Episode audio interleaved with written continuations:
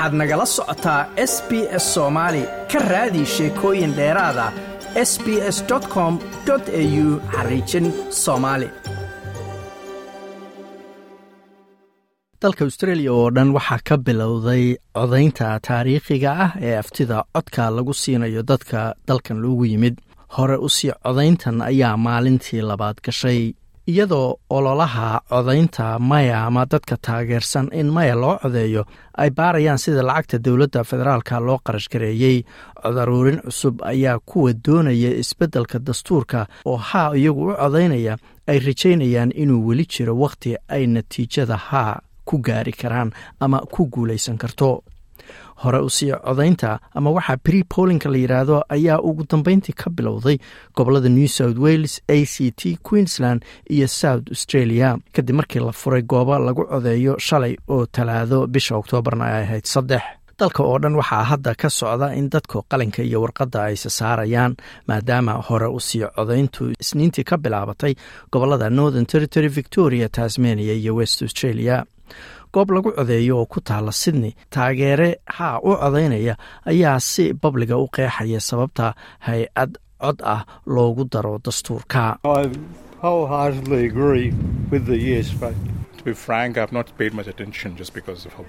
codbixiyaha koowaad ayaa wuxuu yidhi waxaan si niyad ah u taageersanahay in haa loo codeeyo qofkii labaad ayaa yidhi runtii haddaan sheego wax badan kalama socdo sababtoo ah dabcan waxaan ku mashquulsanaa shaqo laakiin haddii aan sawirka guud ka eego waxay la tahay in dadka dalka loogu yimid ay cod u baahan yihiin.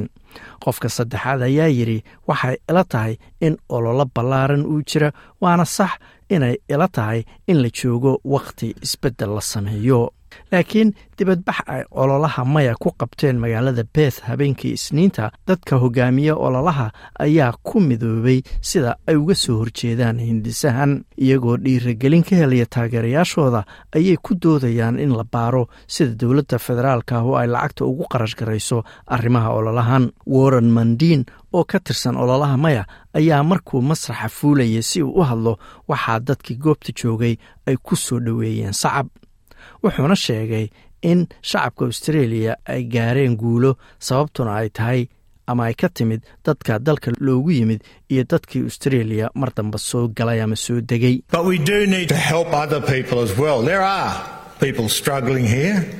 Laakiin waxaan u baahannahay inaan sidoo kale dadka kale caawinno waxaa jira dad dhiban marka waa inaannu wax ka qabanno waana halkaas meesa shaqada adag looga baahan yahay.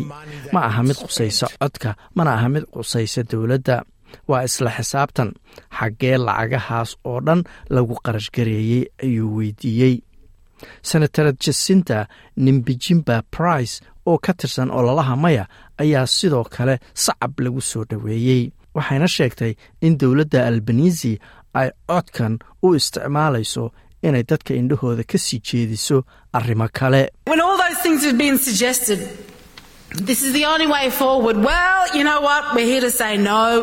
Marka waxaas oo dhan la soo jeediyey oo la yidhaahdo waa waddada keliya ee hore loogu socon karo.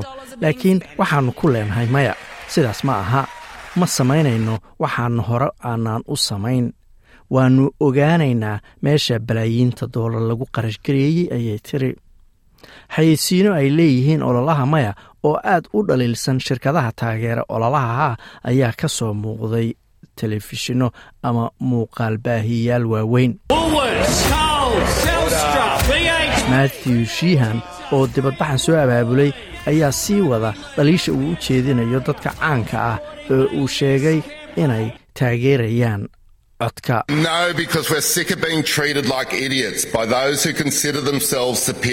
maya sababtoo ah waxaannu ka daalnay in sidii doqomadii ay noola dhaqmaan kuwa ismooda inay naga sarreeyaan. Shirkadaha waaweyn xildhibaanada madaxa bannaan waxaan u baahannahay in codkan la dumiyo si aan fariin cad ugu dirno sababtoo ah waxaannu ka daalay inay wejiga nooga candhuufaan mar kasta oo aannu difaacno qoysaskeenna iyo dalkeenna ayuu yidhi. Adelaidna talaadadii ayuu ra'iisul wasaare antony albanisi wuxuu sheegay in ololaha maya ay ka leexleexanayaan arrinta gunta u ah hindisahan codka.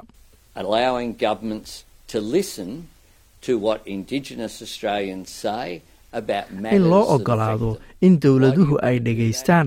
Waxa ay dadka indigeneskahu ka leeyihiin arrimaha saameeya iyaga.